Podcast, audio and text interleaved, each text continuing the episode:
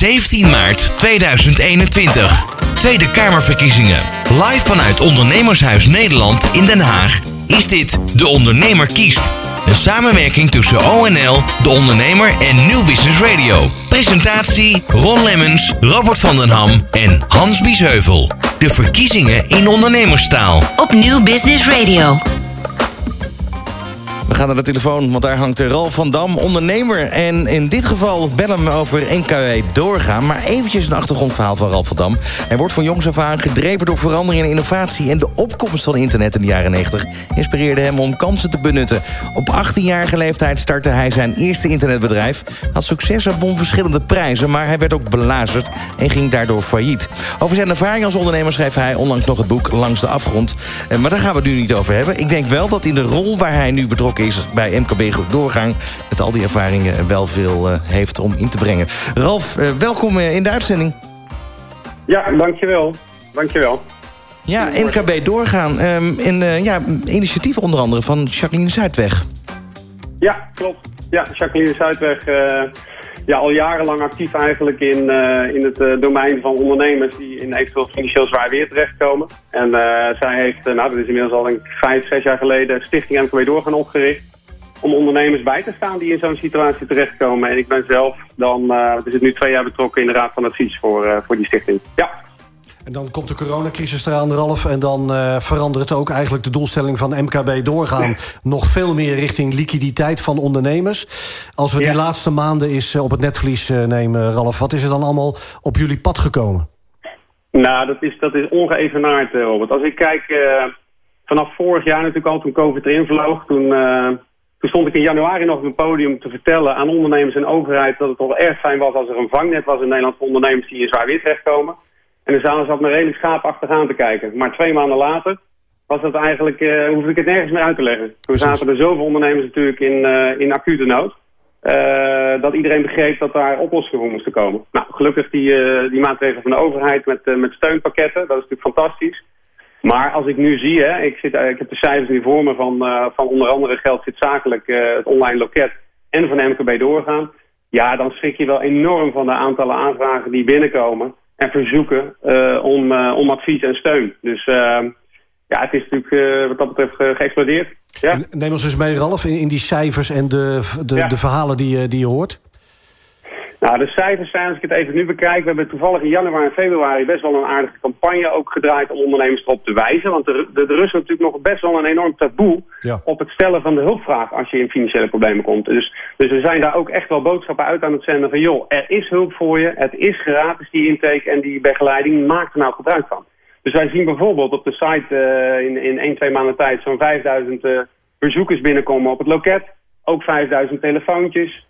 Eh, daarvan hebben we er ongeveer zo'n eh 1500 ook daadwerkelijk advies gegeven en doorverwezen naar partners, hè, naar eh, bijvoorbeeld gemeentes, eh, waar de toeloop ook enorm aan toenemen is.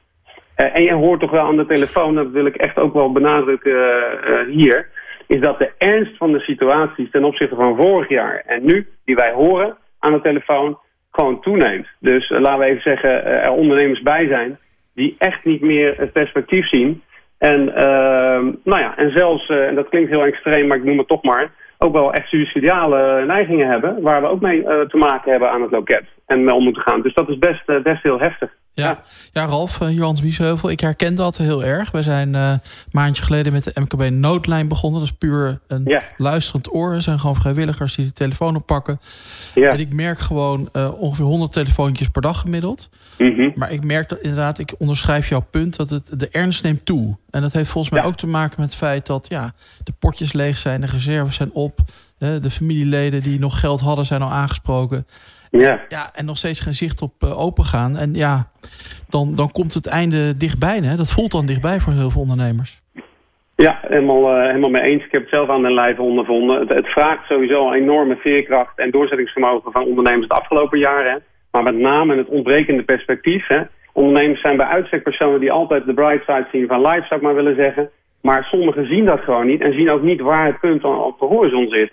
Ja, en als je dan wel de schuldenlast ziet oplopen. Ik had van de week een horecaondernemer weer aan de lijn. Die had al 120.000 euro schuld. En hij zei, Ralf, al, al, al draai ik mijn tent weer top morgen... Hè, dan kan ik misschien 10.000 euro per maand langzamerhand wat gaan inlopen. Maar dit, dit wordt een meerjarentraject. Ik, ik overzie het niet meer. Hoe nu verder? Ja. Hè, dus, dus ja, ja, praten wij zo meteen- gevallen. Ja, dan praten wij zo meteen eh, na jou verder met staatssecretaris Velbrief. Die komt zo meteen op bezoek in het Ondernemershuis Nederland. En we gaan met Ja. hem praten met name over die schuldenpositie. Want hij, ga, hij is daar verantwoordelijk voor. Wat zou, wat, zou, wat zou nou een goede oplossing zijn voor die ondernemers? Hè? Want de ene zegt ja, Ja. kwijtschelden. Maar ja, we merken ook dat heel veel ondernemers zeggen ja, tegen ons. Hè, we, we, we hebben krom gelegen om wel die belasting te betalen. Het zou toch een beetje onrechtvaardig zijn als het zo wordt kwijtgescholden. Hoe zit jij daarin?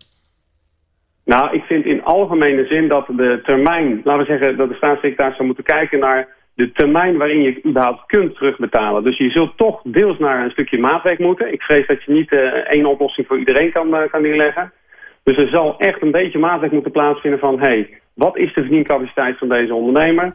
Hoe staat hij er nu voor? Hoe kan hij zich gaan ontwikkelen de komende, nou, laten we zeggen, drie tot vijf jaar? En dan zul je toch die schuld, en met name de belastingschuld natuurlijk... eh, echt moeten gaan spreiden over een langere periode. Ik denk dat je daar met z'n allen niet aan ontkomt.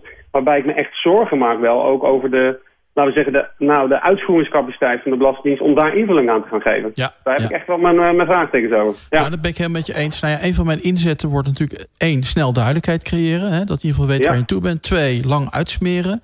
Hè, zeg maar een soort renteloze lening. Eh, misschien Ja. wel het eerste twee jaar überhaupt niet aflossen. En dan misschien in vijf of, of zeven jaar rustig terugbetalen.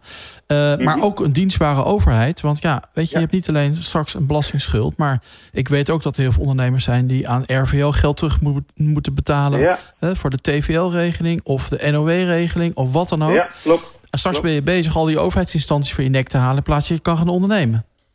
Eens, ja, dat, dat, gaat het, dat gaat het zeker worden voor veel ondernemers. En laten ze in hemelsnaam dan bijvoorbeeld ook het instrument van, eh, wat is het, van de nauw bijvoorbeeld, hè, wat ze al eerder natuurlijk hebben uitgevoerd, koppelen aan bijvoorbeeld dit soort regelingen. Hè. Laat ze niet weer opnieuw gaan beginnen om, eh, om, om dit in te richten. Maar kijk nou wat je al hebt lopen, kijk welke data je daarvan hebt. En gebruik dat dan bijvoorbeeld voor ondernemers om, eh, om er naartoe te gaan om, om een oplossing te vinden. Ehm, en, en ik denk, wat ook nog een belangrijk vraagstuk wordt, is natuurlijk de, de, laten we zeggen, de, de financiering van die herstructurering van ondernemers. Hè? Dus je kan uitstel eh, krijgen van de Belastingdienst en, en daarop op sturen. Maar hoe dan ook, zal er een, eh, ja, een financiering nodig zijn om gewoon te herstructureren voor al die ondernemers. En ook daar ja, hoop ik dat er vanuit de overheid ook gekeken wordt naar, naar de wat langere termijn om daar een oplossing voor neer te, neer te zetten. Ja. Ralf, als ik mij als ondernemer uiteindelijk heb durven melden... zoals je net eigenlijk ook al stelde, hè, bij MKB door, goor- doorgaan en geldfeest zakelijk. Ehm, wat, wat is het traject wat jullie dan met mij ingaan? Waar kun je me bij helpen?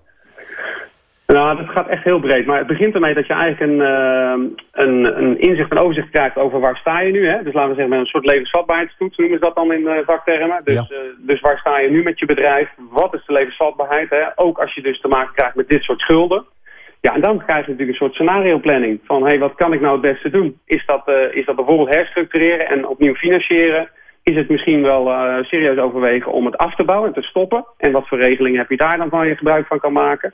Dus ze gaan met je kijken naar gewoon verschillende scenario's... om uiteindelijk eh, ja, je toekomst samen met je in te richten. En dat, dat, doen, dat doen heel veel partijen die daar, daarachter zitten met interventies. Hè? Dus dat kunnen gemeentes zijn, maar dat kunnen ook eh, eh, organisaties zijn als Overrood... of eh, nou ja, allerlei partijen die daarachter zitten... die kennis van zaken hebben op dat, op dat vlak. En ook ja, gewoon echt ervaring hebben met meerdere ondernemers om dit, dit te regelen. Ja. Ja, want er zijn natuurlijk mensen zoals jij ook en meer ondernemers betrokken. Dus ik Ja. kan in contact komen met en op weg geholpen worden door.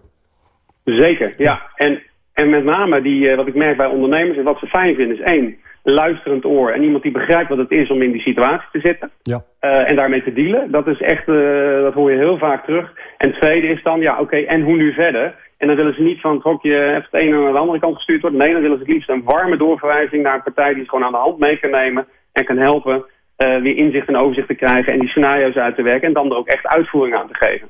Dus dat hele pragmatische en, en doorpakken, ja, dat is wat ook ondernemers eigen is. Dat zoeken ze ook bij deze dienstverlening natuurlijk. Ja. Ja. Mag ik nog één vraag aan jou stellen? Want ik heb eh, niet zo lang geleden een columnje in de Telegraaf geschreven. Hoe vertel ik het Ja. thuis, was de kop. En daar heb ik ongekend veel reacties op gehad van ondernemers. Die zeiden, ja, inderdaad, hè. Dan moet ik thuis gaan uitleggen hè, over Ja. die persoonlijke borg. Hè, of dat inderdaad allemaal wat minder wordt. Hoe doe je dat? Hoe ga je daarmee om? Want is er ook een oplossing voor? Ja, zeker. Nou, ik vind het fantastisch dat je het hebt aangehaald dan. Want dat is wel natuurlijk iets, hè. Een ondernemer heeft natuurlijk te maken met zoveel belangen om zich heen. En een van die belangen is ook zijn privéleven en zijn partner. Ja. Uh, en leg thuis dan maar eens uit dat je inderdaad privé bijgetekend hebt voor je recouvrantpositie. En wat dat voor impact gaat hebben als de, als de zaak omgaat. Wat ik heb gedaan als persoon, is dat ik uh, heel vroeg, zo snel mogelijk, open kaart heb gespeeld met mijn partner. Heb gezegd hoe het ervoor stond. En ook heb gezegd wat voor impact dat even op ons privéleven zou kunnen hebben. Uh, ja, dat is spannend. Ja, dat zet je relatie onder druk, ook bij mij. Maar dan is uiteindelijk wel de keuze van ga je daar samen dan voor staan? Ga je samen daar uh, die uitdaging aan? En, en, en dan weet je in ieder geval zeker dat niet een partner ook achteraf zich, uh, ja, laten we zeggen, uh, voelt. Met alle impact die zo'n faillissement bijvoorbeeld mogelijk zou kunnen hebben. Ja. Heftig. De dag van vandaag, uh, Ralf. Um, met alles wat jij ook uh, de laatste weken en maanden eigenlijk al hebt meegemaakt... met ondernemers, met ja. MKB doorgaan en met Geldfit zakelijk. Um, mm -hmm. De dag van vandaag, en dan doe ik natuurlijk op de verkiezingen en het stemmen. Heeft dat toch ja. iets aan jouw beeldvorming gedaan... van de partij of misschien wel de voorkeurstem die je hebt uitgebracht... Uh, richting een bepaalde politicus? Ja, wat, wat, ik, wat ik bij mezelf ontdekte is als dat ik toch als je, toch mezelf toe moest dwingen om niet alleen maar naar de dag van morgen te kijken. Dus niet alleen maar naar de problematiek waar wij het nu ook over hebben. Hè. Ja, ja. Hoe kom ik de komende, de komende verkiezingstijd door, zou je bijna kunnen zeggen, hè, de komende vier jaar. En daar de programma's en maatregelen tegenaan leggen. Maar ook verder kijken dan dat. Dus ook, ook, ook in het kader van verkiezingen en stemmen verder kijken dan die vier jaar. Waar wil Nederland heen op termijn? Ja. Wat is belangrijk? Wat zijn echt de duurzame keuzes? Precies. Ik moet je heel eerlijk bekennen dat dat al een struggle was. Uh, om niet alleen maar naar uh, corona te kijken, alleen maar naar het ondernemerschap en de impact en de lastenverzwaringen, maar ook verder te kijken dan, uh, dan de komende vier jaar voor je gevoel. Ja, ja. En is het dan moeilijk stemmen geweest voor je, moeilijk kiezen geweest voor je? Heb je dan in die partijen vo voldoende deze standpunten naar voren zien komen? Nee, ik vind zeker, ehm, laten we zeggen, de, de maatregelen die er nu, het pakket van maatregelen waar partijen zich achter scharen, vind ik nog, nog en, en zich over uitspreken, vond ik nog was nog echt wel zoeken. Ja. Van, uh, welke partij gaat dit nou echt beetpakken en vertegenwoordigen? Uh, hè, bijvoorbeeld even als je het hebt over die, uh, bijvoorbeeld die collectieve schuldsanering en de financiering daarvan. Inzet van de WOA en dat soort zaken. En dat gaan ondersteunen met een, met een fonds bijvoorbeeld. Ja, dat vind je allemaal niet zo concreet, vind ik. Uh, maar ja, ik, ik vind wel dat... ik, ben, ik ben op het laatste moment wel geswitcht van, van, van, mijn, van mijn voorkeurstem, zou ik maar even zeggen. Uh, en dat had te maken toch met die langere termijn. Ja. Helder. Ralf van Dam van MKB Doorgaan en Geldfit Zakelijk onder meer. Dankjewel wederom voor je reactie. We blijven je ja. volgen op deondernemer.nl natuurlijk ook met je blogs. En natuurlijk ook met ja, het goede werk wat je voor deze organisaties doet. Dank je Ralf. Graag gedaan. De ondernemer kiest. Op Nieuw Business Radio.